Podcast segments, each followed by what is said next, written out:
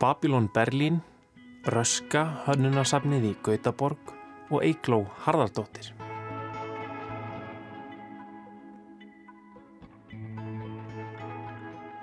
Í síðustu viku voru íslensku myndlistaverlunin afhengt í annað skipti. Tvennverlun voru veitt Leifur Ímir Eyjálsson hlaut kvartningarverlunin en aðalverlunin, útnefninguna myndlistamæður ásins 2019, hlaut Eigló Harðardóttir fyrir síningu sína annað rými sem var sett upp í nýlistasafninu síðasta haust. Undir lokþáttar í dag ætlum við að heimsækja Eigló Harðardóttur á vinnustofu hennar að selja vegi. Í peisli sínum í dag fjallar Halla Þorlu Óskarsdóttir um röska hönnunarsafnið í Gautaborg sem hefur opnað dyr sínar á ný eftir tveggja ára hlið. Og í tilefni þess að á sunnudag verður fyrsti þátturinn í Þýsku sjónastáttaröðinni Babylon Berlin frumsyndur á Rúf mun Gauti Kristmannsson sökva sér ofan í mettsölubækurnar sem þættirnir byggja á Röð reyfara eftir Folker Kutscher um rannsóknarlauruglumannin Gerjón Rath sem starfar í Berlín á þriðja og fjórða áratug síðustu aldar. Og einmitt þar ætlum við að byrja í dag. Við byrjum í Berlín, við byrjum í Babylon Berlín.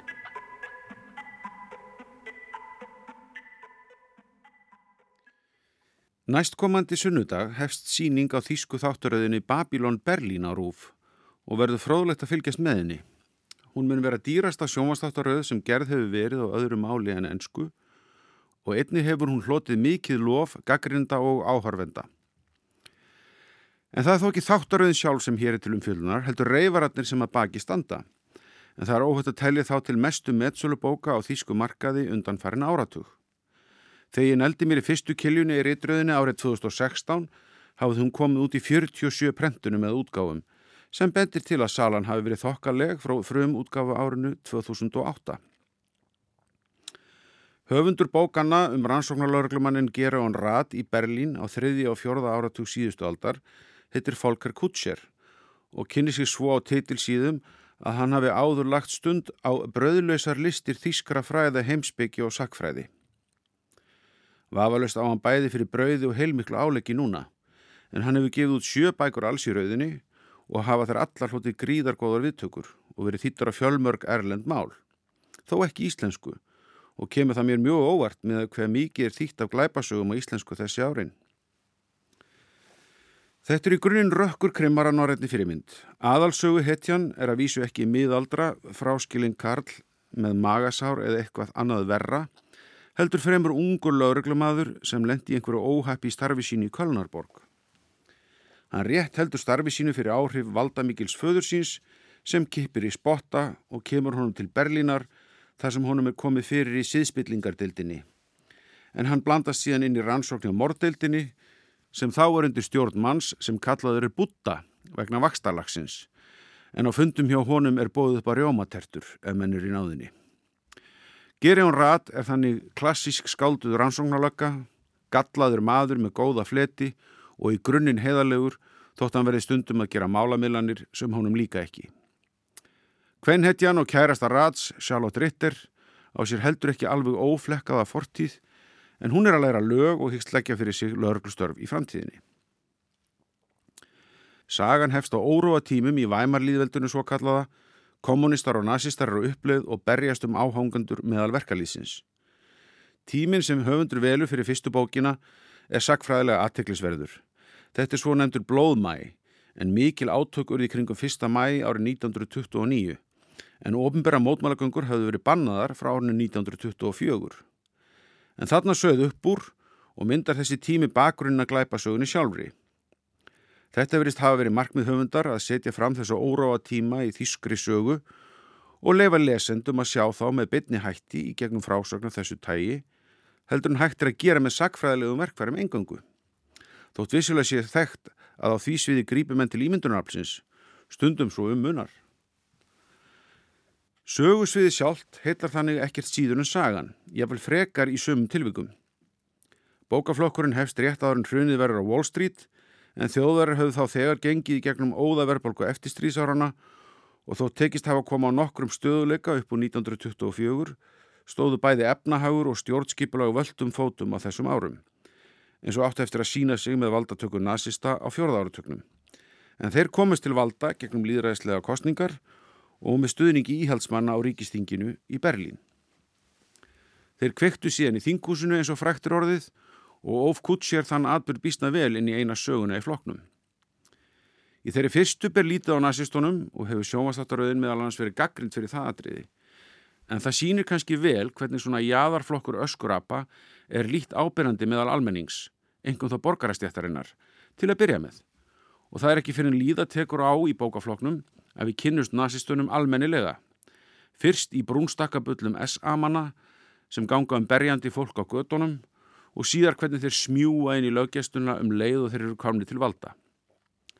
Í aðarsetning og ofbeldisverk að hvert gýðingum læðast einnig hægt inn í frásagnarvitundina, ekki ólíkt því sem ímyndamætti sér að gerst hafi á árunum fram til 1935, þegar nazistar settu svo Nürnberglögin svo kolluðu sem bönnuðu gýðingum að starfa fyrir hið ofinbera og eruð þau grunnurinn að skipulöðum gýðingaofsóknum þriðja ríkisins alveg til stríðsloka. Fyrsta bókin í flokknum gerist hins vegar á hetóniskum tímum þriði áratúrins.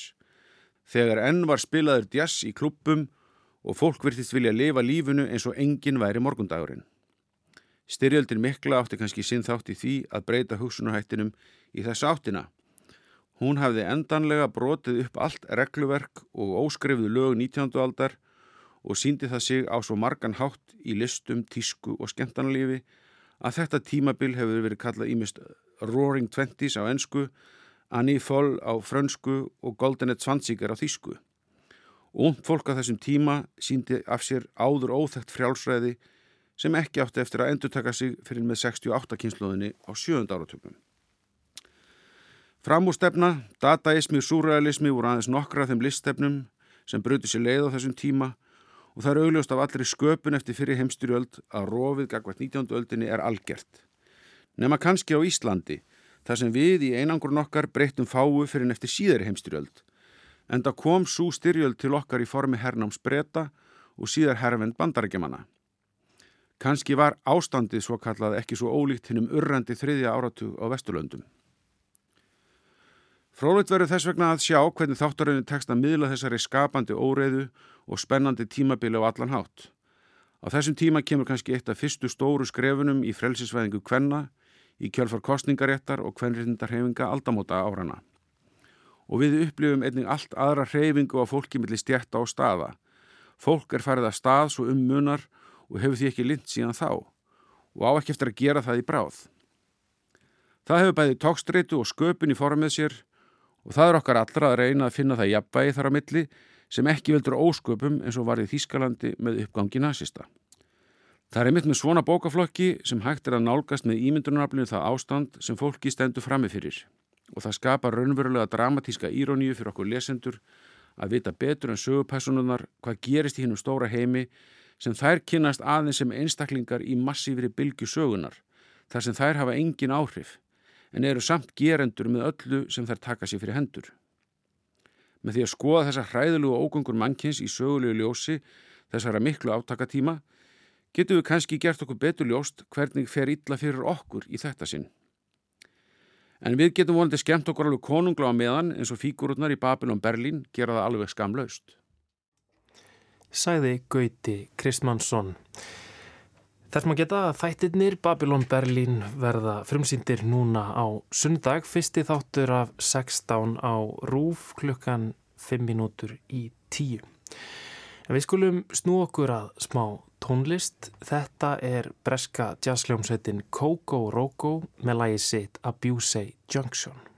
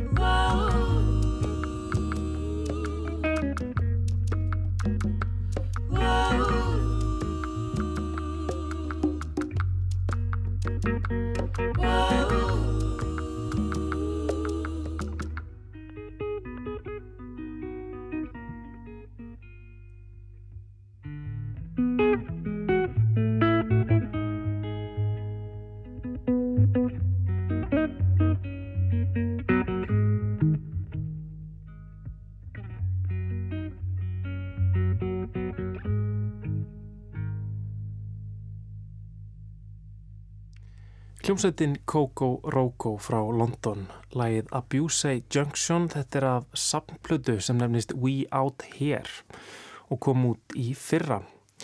En frá London ætlum við að fara yfir til Svíþjóðar. Halla Þorlegu Óskarstóttir kíkti við í Röska hönnunarsafninu í Gautaborg sem á opnaði dyr sínar núna nýlega aftur eftir tveggja ára lokun.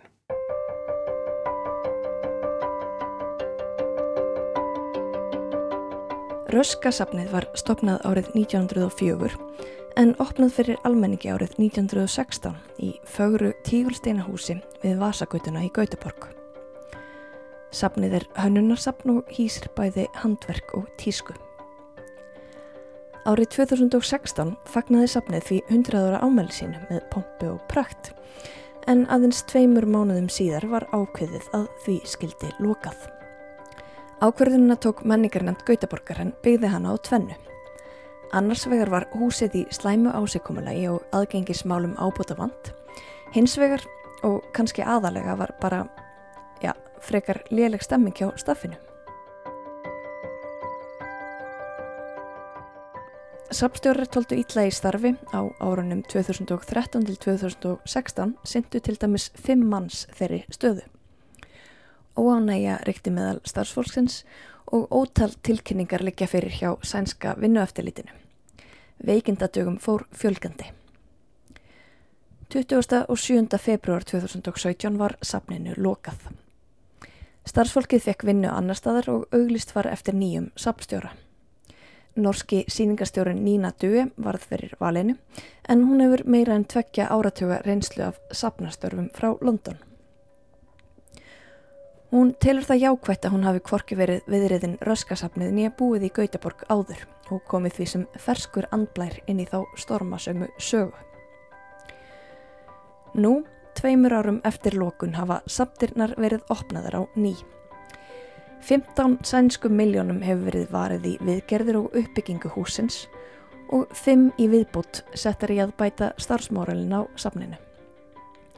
Það gera þá 193 miljónir íslenskra króna í húsaviðgerðir og svo 65 í pepp og andlegan stöðning.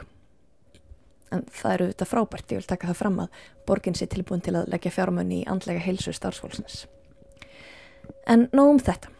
Röskasafnið hefur opnað á nýju því byrjað fagna.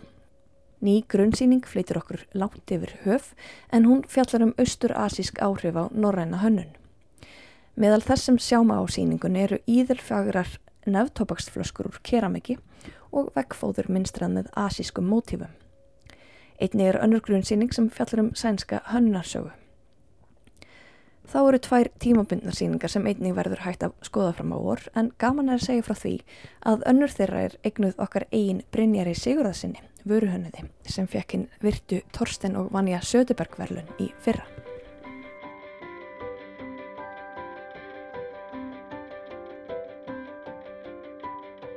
Ég hendi mér upp í sporvagn og beinustu leið á röska. Anderið er voldugt og dálitið trungalegt. Maður fær strax á tilfinninguna að þetta sé merkilegt sapn. Hér í Svíþjóð er engin aðgangseirir inn á ríkisreknu söpnin. Það finnst mér alveg frábært og ég held að fólk fari almennt oftar á söpn. Skoði kannski smávegisi einu og hangsi svo bara svolítið. Önnur afleðing er nefnilega að mann er líðunni sem að sé velkomin, alltaf alveg óháð aldri, mentun og klæðaburði. Fólk sem hefur engan áhuga á list fer samt á söpn. Fær svo kannski áhuga, hver veit. Röskasafnið er hins vegar ekki ríkisrikið heldur rekið af Gautaborg.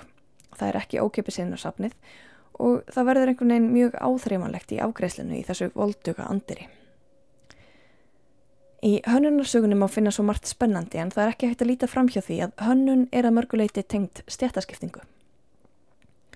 Það er svo sem ekki sapnið, kostar eitthvað um 1300 krónur að kaupa sér áskort, en það eru samt útgjöld sem margir þurfað íhuga og kannski sérstaklega ef það hefur ekki áhuga á hannun.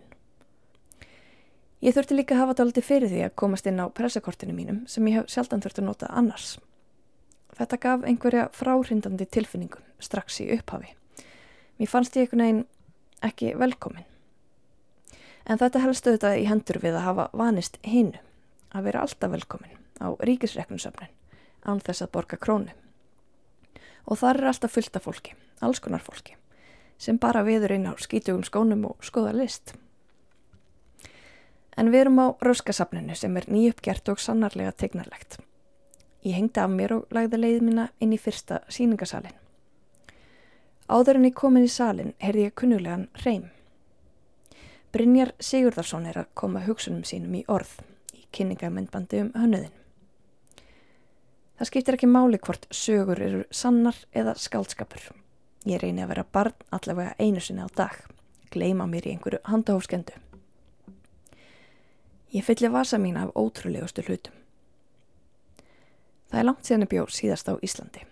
Kanski gerir það mig íslenskari. Ég líti á sjálfa mig sem þýðanda, sem þýðir tilfinningu staðar yfir í hlut eða efni. Það var gaman að hlusta á Brynjar útskjera tilfinningu sína fyrir Íslandi. Ég satt og horfi á kynningamindbandið örglega tíu sinnum í röð. Þá kom fyrir tilviljun kona sem ég þekki og spurði mig hvort ég væri með heimþrá. Og ég gati ekki útskýrt hvaða var sem ég saknaði en Brynjar gerði það svo vel. Svona skilum aðu hvað ræturnar eru mikilvægar, sagði hún þá. Og hönnun Brynjar spyr sannarlega keim af rótum hans. Einni var gaman að sjá ringflöytuna hans og aðrir gestur stöldruðu lengi við og grannskóðuðu gripin. Þetta var velhæfnuð og skemmtileg síning. Á næstu hæð er síningin Unmaking Democratic Design þar sem hönnuðurinn Fredrik Pálsson hefur fengið verkefnið að tólka hugmyndina um líðræðislega hönnun. Hann notar stólinn sem útgangspunkt og salurinn er fullur á sætum. Stólarnir eru úr allskens efni, ólíkir í formi og lögun. Á vegnum blasa svo við rári stólar þar sem þeir hunga á vegnum er ekki hægt að setjast í þá en þessa stóla hafa sapnagestir smíðað. Hver og einn þeirra var samvinnuverkefni. Einhvers konar líðræðisleg útkoma. Sumir litu þægilega út. Aðra myndi maður ekki þórað setjast í. Allir þessi stólar vöktu upp vangaveltur. Hver á eiginleiki stóls að vera? Án að vera þægilegur. Svo þægilegur að maður vill helst setja og setja lengi eða á hann að vera passlega þægilegur, eins og stein, svo maður kvíli sig um stundan standi svo upp, haldi áfram göngunni. Hversu þægilegt á þjóðfélagið að vera, hversu lengi getur við setið kyrr í hennu líðræðislega samfélagi? Og á gangi í gegnum grunnsýningu sapsins herja á mann sveipaðar hugsanir um þessa eilifu þrá mannsins eftir breytingum. Tískan á sinn tíma og svo fær fólk leið á henni. Heldur áfram. Á síningunum gefur að líta ólíkt tímabil allt frá 1900 og fram til dagsins í dag. Hefð margbreytilega materialiska samfélag. Pólitík, elitismi, nostalgía, fegur, þungis, mínimal og hefð margslungna.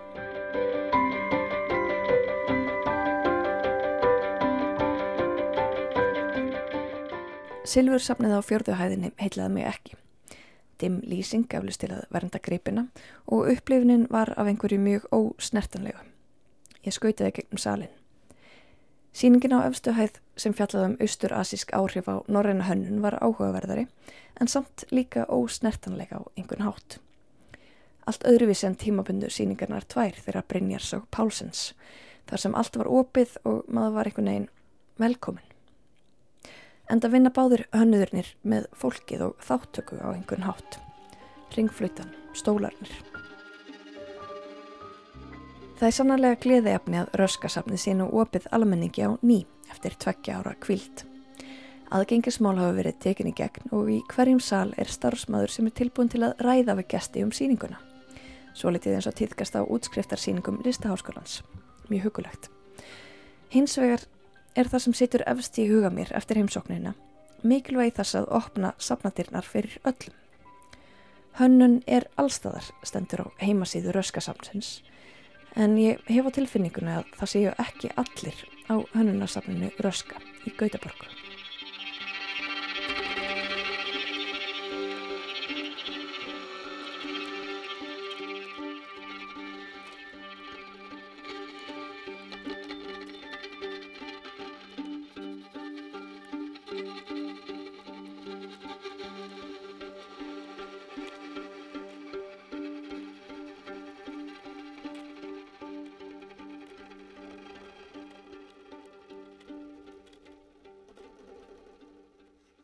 Síðustu viku voru íslensku myndlistaverlunin veitt í annað skipti.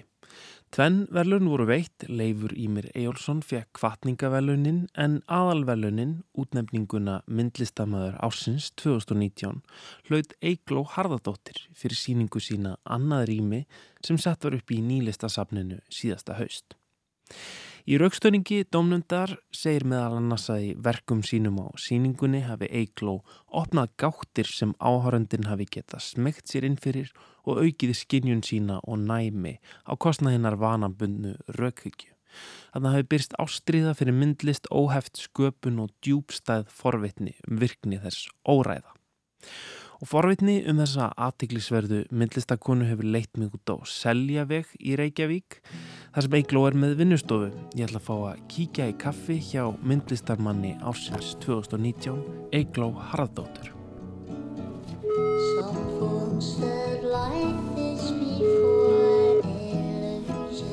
Halló, Já, Eigló. þetta er Egló. Hæ, þetta er Kristján. Ég er bara einna fyrir utan. Já, ég kem niður Ok, aðslega, takk. og þetta er inn. Ok, bye. In the key or Hæ, hæ, Kristján. Hæ, hæ, hæ. Út eitt, já. Þessi er bara út að reykja. Já, það er alveg bara, þetta er skotið. Hvað er það? Nei, aldrei. Er hérna svolítið marga hús? Eigló Harðardóttir er fætt árið 1964. Hún stundaði nám við myndlistar og handíðaskóla Íslands og framhaldsnám við AKE, Academy for Beeldinni Kunst í Enséti í Hollandi. Setna hefur hún einnig lokið námi í listkenslu við Listaháskóla Íslands.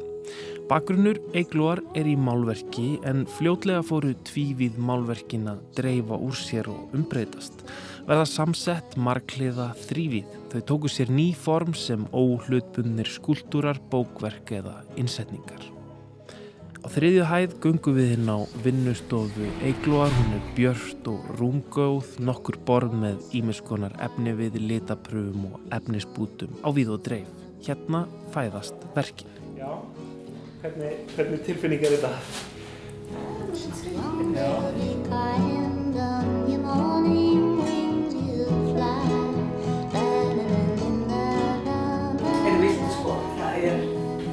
hér er bara allt á haus sko. Já. Ég, viltu smá kaffi smakkafi, ekkert rosa gott, er smakkafi? Já, Er það ekki? mikilvægt ekki það. Line.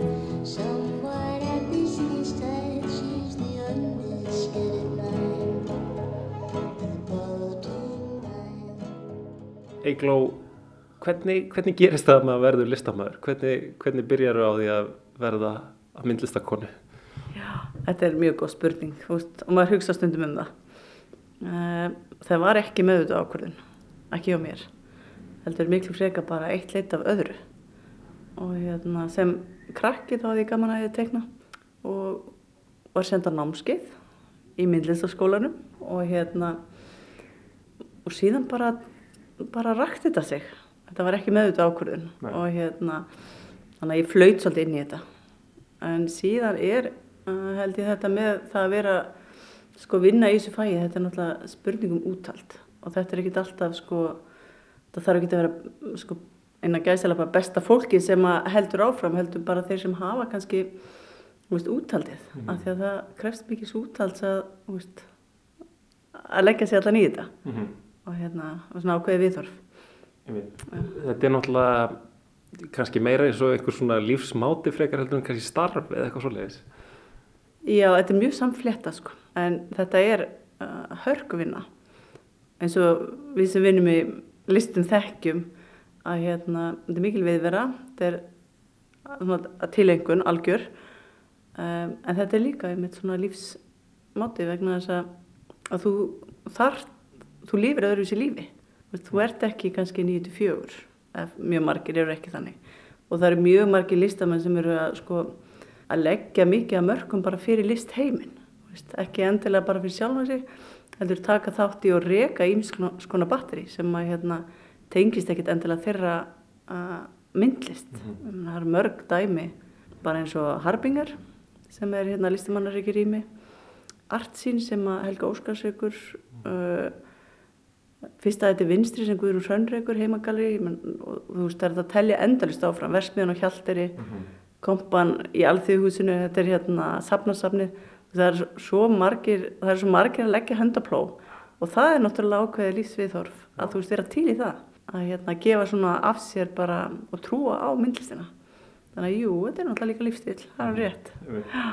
Um, þú fórst samt og mentaðir því í þessu, þú varst í Millistra Handíðaskólanum og svo varst í Hollandi eða ekki? Jú, ég fór í hérna framhaldsnám til Hollands og ég var í málun, eða málardeild hér á Íslandi og svo held ég áfram í málardeild í Hollandi en hægt og rólega sko fór málverki að rakna upp, ég hætti að, að sko hugsa sko málverki sem tvímiðan flöt, heldur miklu frekar einhvers konar innsetningu.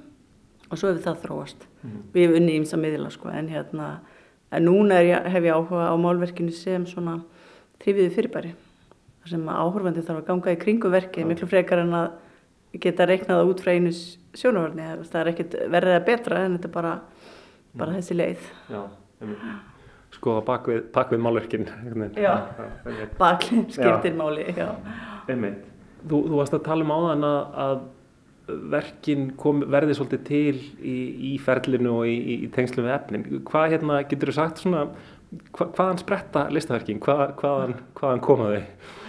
Já, góð spurning, þú veist, það er hérna, það verður alltaf að vera einhver spurning í byrjun, einhvers konar hérna kveikja, því annars hérna er maður bara eins og hérna, bara ekki, maður hefur ekki enga stjórn, sko.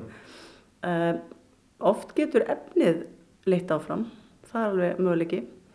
Það getur verið hérna til dæmis eins og á síningun annar rými í, nýlissafni, það getur verið hérna áhuga á rými og hérna innra rými eins og þar var, svona sállíkanlega rými, rými hérna minningana eða rými hérna, þetta hljóma náttúrulega svolítið eitthvað háflegt en þetta er bara mjög, uh, þetta getur oft verið mjög svona, uh, bara þessar spurningar geta verið mjög uh, venjulegar eins og bara það að þurfa að fara að nota gleru það var einu sem spurning, mm. Vist, ég hætti að sjá almenlega, hafði alltaf haft mjög góða sjón og það varð kveikja að síningu og ég fór að skoða svona fókuspunkta og, og lagskipt málverk og hvernig eitt flötur hefur áhrif á annan. Og það var bara út frá kveikjan var sjónin. Já. en hérna til dæmis uh, litir pappir getur verið kveikja, jaðar.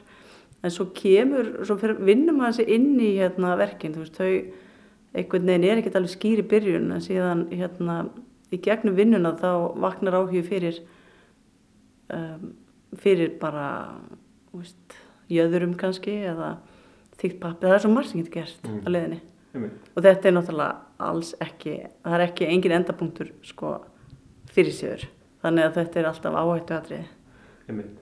Þú, þú ert ekki búin að sjá fyrir þér hve- hvernig listaverki gæti mögulega endað.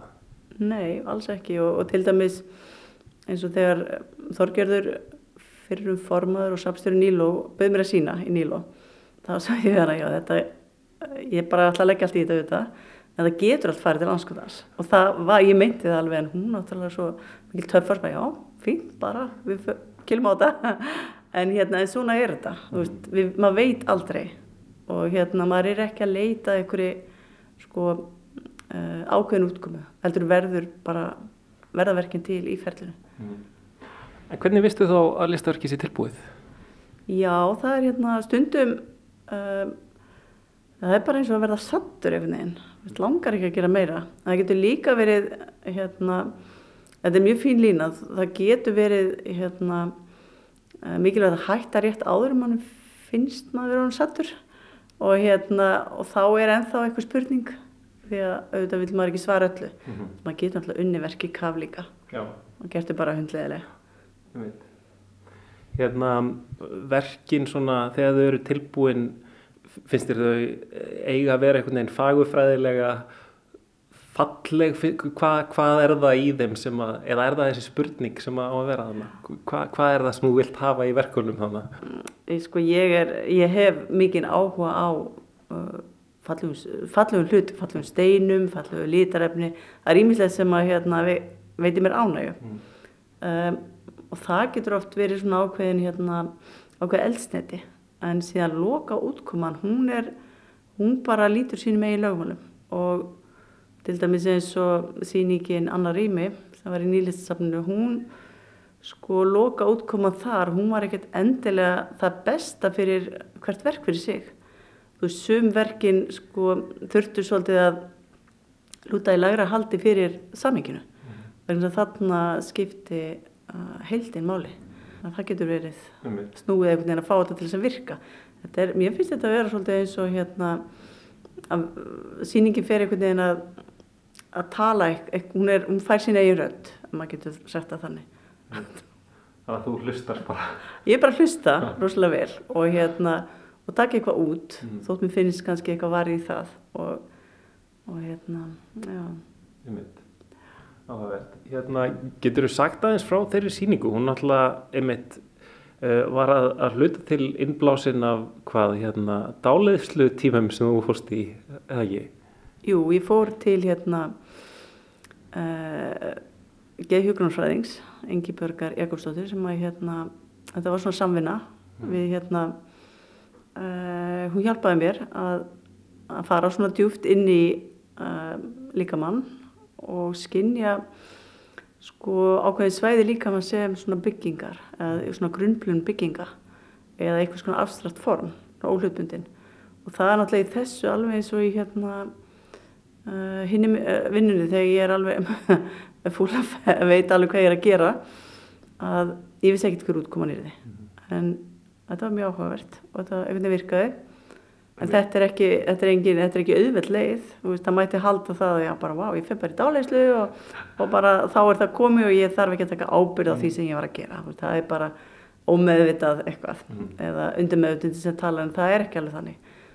Og, uh, og þau sko verk voru svona kveikjur fyrir uh, ýmsar útferslur og mér langaði í þessari sýningu í nýleysafnun að, að sko vinna sama sko sömu hugmyndina sem var, var þessi kortlagning á mismunandi hátt, ég notaði textan og, og hann var settur upp í svona lítinn bækling. Uh, ég endur tók textan, skrifaðan og hérna ég silki tryggt þetta þannig að ég reyndi að taka þessar teikningar yfir á svolítið annar plan. Hækka tíðnina eða breyta þeim þannig að þær yrðu bara þær myndu losna frá þessu þessu sem að var mín upplifun af þessari dálislu sko, en þess að dálisna var bara komin í svo bara þetta ógs þetta, já þetta var svona kveikja. Mm. Þetta, já, þetta er kannski eitt, eitt, eitt af þessum öðrum rýmum sem að sýningin fjallaði um. Einhvern veginn, þessi, þessi ómeðutuðu hérna, rými sálar, sálarinnar og líkamanns svona. já, þau hafa lengi heilla mig og líka bara já, svona það er hérna til dæmis uh, verið að setja upp verk í listafni Ísland sem að heitir snilligáfa og þá fór ég til hérna uh, spámiðils og klifti síðan allt það sem hún sagði og notaði í verk. Þannig að þú veist, ég hef svolítið verið á þessu svæði stundum. Einmitt. Já. En kannski það sem að þegar maður hugsa um verkið þín þá, þá hugsa maður það er náttúrulega oft svona svolítið samklipp á alls konar efnum, oft, oft mikill pappir allavega svona í, í þessari sýningu og, og því sem ég hef séð um, þau eru oft svona rosalega viðkvæm veginn eða svona maður hefur á tilfenginu að það gætu ég vel dottið öll í sundur eða kemur of hérna stór vindkveða er þetta ekki hérna, af, af hverju ertu að vinna svona verk hvað er það? Ég bara satt best að segja, bara veit það ekki, en mér finnst að jú, ég veit eitthvað um það. Það er til dæmis bara finnst mér sko efniviður áhugaverður sem svona opin efniviður. Eða það, veist, það er hérna uh, pappir, hann er til dæmis, hann er ótrúlega stert fyrirbæri. Uh, en hann er líka mjög viðkomur. Og pappir til dæmis, er minni pappir sem er mjög stert, pappir í mann hvernig hann var í læginu og hérna, þannig að það er ekkert auðvelt að sko forma hann með vatni eða eitthvað svoleiðis. En það er þetta klippa hann. Og hérna sumleiti er þetta bara svolítið praktíst uh, mér, hérna, mér langar ekki að vinna sko þungverk. Uh, þetta er bara svo mikið hérna vesen einhvern veginn veist, flytja þetta og pappirinn er bara frábært bygginganefni og það er þetta að vinna hann í einingum þannig að það er kannski vissum spennandi og mála á hann. En á móti kemur að þú veist þetta eru verk sem eru ekki uh, uh, menn þetta er ekki þetta er ekki eitthvað sem ég er að hérna, selja eða eitthvað þannig mikið. Og ef einhver hérna skildi eignast svona verk að það var mjög mikilvægt að, að fara vel að, að fyrirmælum um uppsetningu vegna þess að verk sem eru unnin í svona efni við eins og ég er að vinna þau geta svo auðvitlega orðið ekkur drasli. Og þetta er bara svipað eins og ef þú ert með hljóðfæri og, og þú stillir það vitlaust það verður allt bara falskt. Og þetta er kannski eitthvað sem fólk nefnir ekkert alltaf af því að það, það skinnjar ekki þú veist þetta sem að það sem býr til verkið eða tónskáld eða myndlistamæður hver sem er sem er alveg komin með öll hlutföll búin að stilla allt, fínstilla allt þannig að það er bara komin einhvers svona söngur eða tíðinni í verkið. Þannig að þetta er svolítið viðkvæmt þannig að hérna þau fara nú ég vil bara geimsla aftur Já. verkin. Já, er, ertu ekki að hérna, er, ertu ekki búin að hérna, setja vermið og reyna að selja þau og eh, sýningum og upp- uppboðum eða eitthvað svo leiðis Nei, alls ekki. Þú veist, ég set aldrei verð með það fyrirfram. Með, a- bara hérna, þú veist, það var ákvörðin sem ég tók bara uh, því ég kom að námi. Ég ákvað bara að sjá fyrir mér öðruvísi og hérna vinna í uh, listinni fyrir utan og sjá fyrir mér svo með, það voru skúringar fyrst. Fyrst sjö ár skúraði ég bara alltaf á kvöldin. Veist, þá voru skúringar vel borgar, tveir tímar á dag og ég gæti sé fyrir mér. En hérna, núna kenn ég. Og svo hef ég náttúrulega verið mjög heppun, ég fengið hérna eða lánsum, fengið starfslaun. Og ég fengið og myndlistasjóði, þú veist það eru sko og mugg og, og þú veist það eru hérna, það er net í kringum myndlistina sem er svo rosalega dýrmætt. Og sem er þetta stuðningskerfi sem er, eru launin og styrkinir og þeir skipta hérna, bara skipta sköpum Af hverju á, ákvæðstu það svona strax að, alltaf ekki að reyna að gera þetta að, að, að starfi með því að selja verkin? Mér fannst það bara oflókið og hérna, ég treysti mér ekki í það. Fannst hérna, því að ja, fólk er ólíkt, sem geta sjálfsagt hérna aðgrind þetta tvent.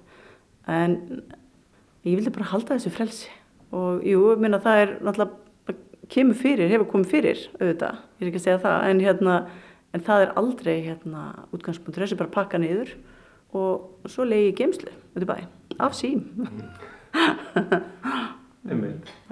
Sko það er ekkert hérna, það er ekkert slæmt við að selja myndlist. Það er bara besta mál og mjög mikilvægt að veist myndlistamarkaðurinn sé veist þróar. Um, það er bara sund passar verð inn þar en annað. Uh, svo bara fer það eftir persónum sjálfum sko, hvað það er hérna uh, vilja gera. Þetta var bara flóki fyrir mig. Já. En það eru bara sumir sem að þú veist, gera þetta rosa flott sko. Ha? Einmitt. Og ég bara vona að fólk selja bara sem mest. Algjörlega. Nú ertu búin að vera í þessum bransa í nokkra áratíði núna. Finnst þér svona nálgun þína á listina breytast mikið með árunum? Ertu að þroskast sem listamæður? Já, maður þroskast nefnilega og, hérna, og það er rosalega gott að eldast í listinni. Veist, það er hérna, hún verður ekkert auðveldari, það er alveg langt í frá. En hérna, ef maður kannski, uh, já, maður breytist. Það er hérna, þú veist, að vinnan breytist. Maður að byggja náttúrulega alltaf, sko, maður er að byggja upp þekkingu uh, á þessum árum. Maður er að, að kynnast efni betur og aðferðum. Maður kynnist líka hérna, bara þessum starfsvettfangi betur. Maður hefur fengið alls konar tækifæri sem að hlaða undir reynsluna. Þannig að jú, það er mjög fínt að, hérna, mjög gott að eldast í myndlistinni. Það. Og, og nú ertu að fá íslensku myndlistavelun, e, e, hérna, ertu, heldur þú sérst núna á hápuntinum eða hvað? Þetta er uh, hábúndin ég hérna sé þetta nú bara eins og hérna uh, það er all- allt svo afstætt. Og hérna og þetta er bara fleigur uh, inn í lífi núna. Og, og ég er mjög þakklátt fyrir það. Og ég er bara þakklátt fyrir hönd sko myndlistarinnar. Og, líka að myndlist sem að kannski uh, er svona eins og öll verkin sem voru tilnæmt að þau eru öll svona já, á þessum slóðum sko, þau eru unnin einhvern veginn í stórt samhengi, þau eru hérna, þau eru svona einhver rödd bara út í samfélagið. Uh, en þetta er bara, bara frábær stikla í lífinu. Það er bara náttúrulega eðislegt sko.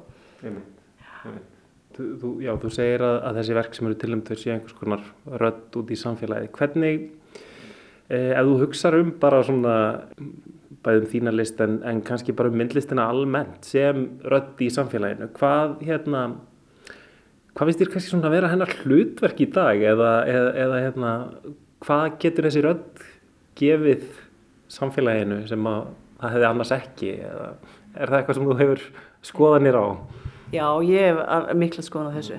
Vegna þess að þú veist, þetta er uh, minn starfsvett, þetta er mitt starf og maður þarf alltaf einhvern veginn að finna, maður þarf að finna fyrir, finn, maður þarf að finna fyrir einhvers konar hlutverki eða ekki hlutverki, heldur miklu frekar hérna, maður þarf að staðsýtja sig í samfélaginu. Vegna þess að þú veist, það sem er að gera er nú kannski undarlegt auðvitað og, og hérna, fólk eru alls konar skoðan á því. En mér finnst myndlistin vera hérna, eða listin bara vera súrefni, mér finnst hún vera hérna reyfiafl, mjög mikilvægt reyfiafl og hún einhvern veginn, hún eh, rennur inn í svo marga kýma menningarinnar. Og hún heldur mjög mörg uppi. Og hérna, þannig að ég hérna er mikla trú á listinni sko. Mér finnst hún vera, hérna, ég, ég vildi ekki lifa lífi án listarinnar. Mér finnst hún vera, mér finnst hún gefa lífinu tilgang. Og hún er allt annars eðlis en, hérna, en, en það að horfa kannski á landslag. Og, veist, ég hef vunni á fjöllum og þá er það eitthvað annað. Það er eitthvað allt annað en, en að skapa myndlist eða list. Þetta, uh, þetta byggir á framtaki einstaklingsins eða hópa og þú veist og þetta framtak er hérna uh, getur verið svona einstaklingsframtak en svo eins og ég talaði um við þið áðan þetta er hérna rosalega stórt reyfa bara í í allir þessari, öllum þessu litlu sýningarýmum eða stóru út um all land. Hvort sem þeir eru 1500 fermetrar á hjalderi eða hérna lítið tísgalleri eða lítið heimagalleri eða nýlistsafni sem er hérna eða kling og bang, þetta er allt sko, öll þessi rými eru drifin áfram af listamennum eða fólki sem að hefur insinn inn í listaheimin og þú veist, vinnur að sko bara öllu hjarta að þessu. Það er ekkert felt like it Við erum með eitthvað, eitthvað hræðilegt svona eins og þetta Já, Þetta hefur verið svona geggju inspiration Þetta er svo ljótt Ég veit, en hérna, mér fannst þetta æðislega Já. Sko því ég gerði en þetta er svo ljótt Og það er svo gott að hafa eitthvað svona hræðilegt mm, er eitthvað ljótt. Eitthvað hræðilegt Já, til þess að sko hjálpa manni hérna bara búið til eitthvað von sko. já. um að getur eitthvað betra að gera